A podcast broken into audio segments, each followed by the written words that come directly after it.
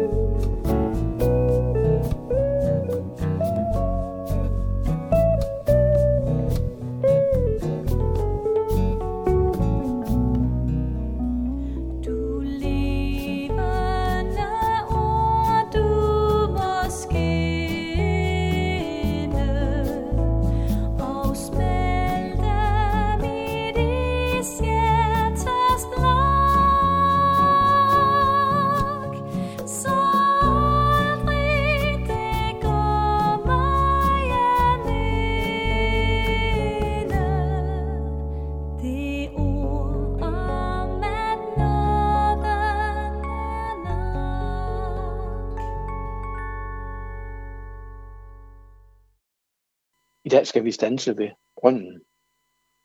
Vi hører blandt andet om den i 1. Mosebog kapitel 33. Jakob købte et stykke jord.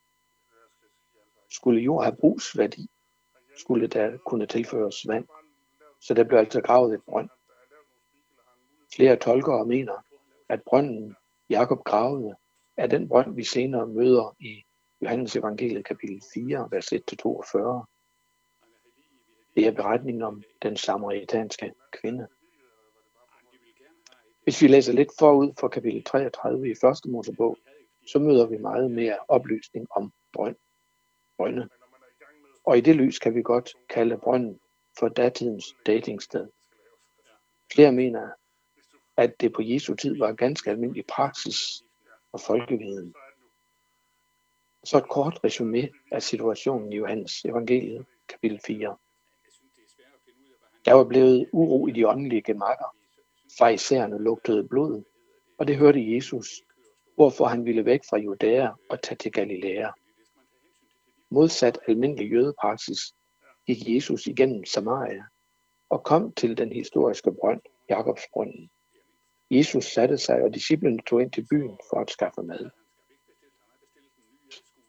Normalt blev der hentet vand til husholdningen om morgenen, og til aften var det dyrene, der skulle have vand.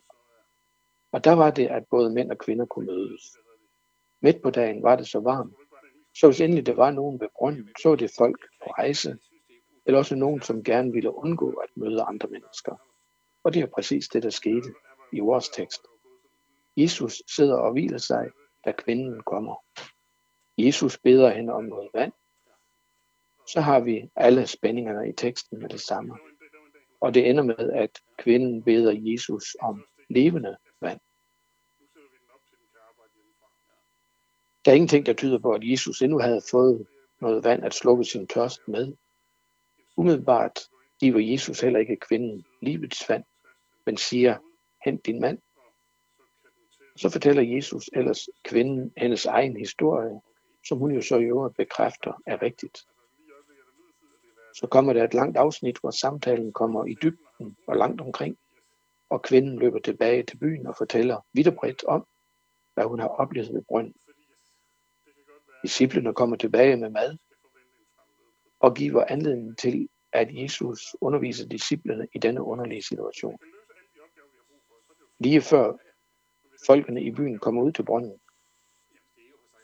Vi elsker den passage, hvor der står om, at nu tror vi ikke længere, bare fordi vi har hørt hende sige det, for nu har vi mødt Kristus selv.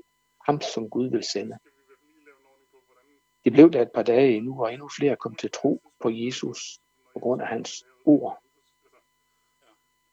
Der er stof til mange og lange samtaler, og brug for mig en fordybelse, hvis vi skal helt ned i teksten. Skal vi ikke nu, men vi skal prøve, om vi kan få en essens med os derfra, som vi kan leve af. Jesus går ind i vores hverdag.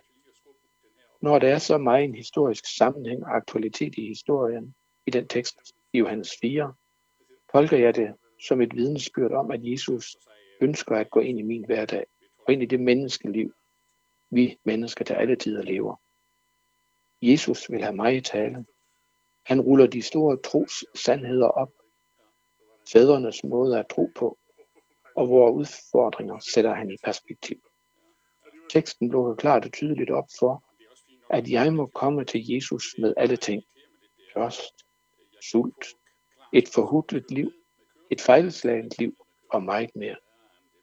Det er tydeligt, at Jesus ikke giver en til en. Jeg beder om mad, og så får jeg mad. Jeg beder om helbredelse, og så får jeg helbredelse, osv. Sådan har vores bønder jo så ofte været.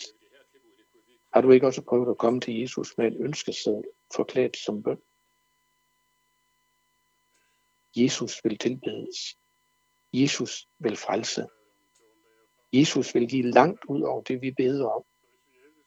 For hvad vi ret trænger til at bede om, kan vi ikke selv forstå, som Paulus senere udtrykker det i Nye Testamentet. I tilbedelsen af Jesus lukkes vores øjne op, så vi ser, hvad vi allerede har fået, men endnu mere ser, hvad vi har brug for. Vi har brug for det levende vand, der giver evigt liv. Vi kan sige, at vores brønd, som vi må øse af, er Bibelen.